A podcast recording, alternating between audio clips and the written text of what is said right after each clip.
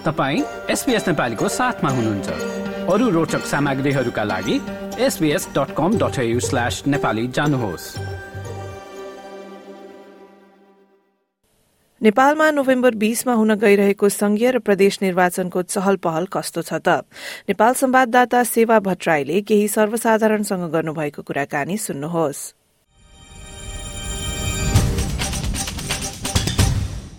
नेपालमा संघीय र प्रादेशिक निर्वाचन नजिकिरहँदा मैले काठमाडौँका केही मतदातासँग कुराकानी गरेकी छु। विशेष गरी मैले मतदाताहरूले कसलाई मतदान दिने सोचेका छन् र विजयी उम्मेद्वारबाट के अपेक्षा राखेका छन् भन्ने प्रश्न सोधेकी थिए। बत्तीस पुतलीकी फार्मासिस्ट अर्पणा श्रेष्ठले विगतका विजयीको मूल्याङ्कन गर्दै कसलाई मतदान गर्ने भन्ने सोचिसकेकी छिन्। मान्छे राम्रो हुने मात्र भएर भएन। इमान्दार त्यो बोली अहिले के गरेछ उसले म यो गर्छु भनेर मात्र भएन। अहिले युवा नेताले चुन्या छ हेरौँ के हुन्छ। अब युवा नेताले के गर्छ हेरौँ। अब अहिलेको बालनले गरेछ छ नि होइन?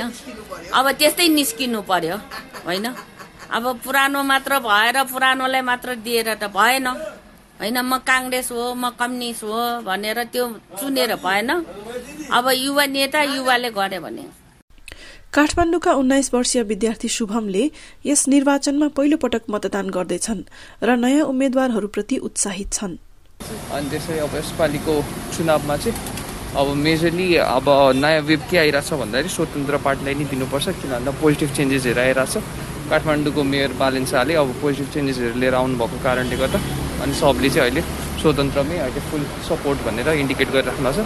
अनि अब राम्रो चेन्जेसको लागि पनि युथहरू अहिले पुरै इन्सपायर भइरहेछ त्यसले स्वतन्त्रमै गर्ने भनेर ओपिनियन छ। काठमाडौँकै एकसठी वर्षीय राधा गुरुङले उम्मेद्वारका एजेन्डा हेरेर निर्णय गर्ने बताएकी छिन्। चुनावपट्टि यसलाई चाहिँ भनिदिउँ न हामी होइन? अहिले आफ्नो छ नि जुन चाहिँ सोचेको छौँ त्यो हिसाबले नै हाल्छौँ। तर को कोले के के गर्दैछ? एजेन्ट कति कति छ भन्ने हामीले त हेरिसकेको छौँ। एजेन्टलाई पछाएर हामी जाने हो। सर्लाहीका ट्याक्सी चालक गोपाल पौडेल मतदान गर्नका लागि गृह जिल्ला नै जाने गरेका छन्। यसपालिको चुनावको बारेमा अब सोच्न त हेर्नुहोस् अब म कुनै पार्टीको हिसाब किताबले मैले गरिनँ। पहिलेको स्थानीय चुनावमा पनि मैले खासै पार्टी हेरेर मैले दिइनँ व्यक्ति हेरेर दिएँ भने अहिलेको समयमा तपाईँ हामी सबैजनाले चाहिँ मिलेर व्यक्तिकै हिसाब किताब हेरेर चाहिँ दिँदाखेरि राम्रो हुन्छ। कसले के गरिरहेको छ योभन्दा अगाडिकाले के के गरिरहेका थिए यी सबै कुराहरू बुझेर चाहिँ हामीले भोट हाल्यौँ भनेदेखि हाम्रो भोट खेर नजाने हिसाब किताबले हामीले भोट हाल्नुपर्ने हुन्छ र हामीले भोट हाल्दाखेरि त्यस्तै मान्छे चुनेर हालौँ कि खेर नजाओस् भोट। अब अहिले पार्टीलाई चाहिँ नहेरौँ।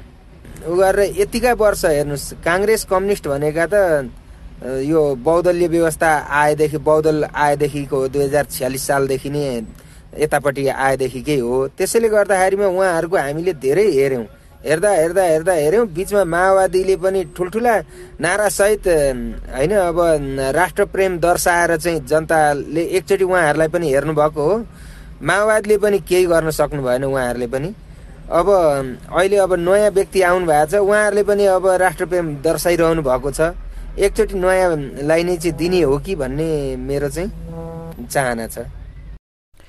यस निर्वाचनमा पहिलो पटक मतदान गर्ने विद्यार्थी श्रेया गौतमले उम्मेद्वारहरूबाट आफ्ना यस्ता अपेक्षा रहेको बताएकी छिन्। आउँदो मङ्सिर चार गतिको चुनाव चाहिँ मेरो लागि as a voter first time experience रहनेछ। अहिले मैले विभिन्न माध्यमहरूबाट दलहरूले गरेको प्रतिज्ञा प्रचार प्रसारहरू सुनिरहेको छु। अहिले डिफ्रेन्ट एजेन्डाजहरू चाहिँ उठिरहेको सुनेको छु।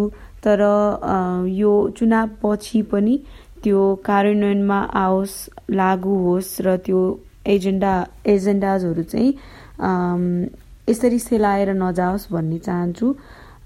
साथै यो एकदमै म्यान्डेटरी कुराहरू जस्तै वुमेन हेल्थलाई लिएर प्याड्समा एक्सेसिभ ट्याक्स जुन लगाइएको छ त्यो चाहिँ मिनाहा होस् भन्ने पनि मेरो अपेक्षा रहेको छ।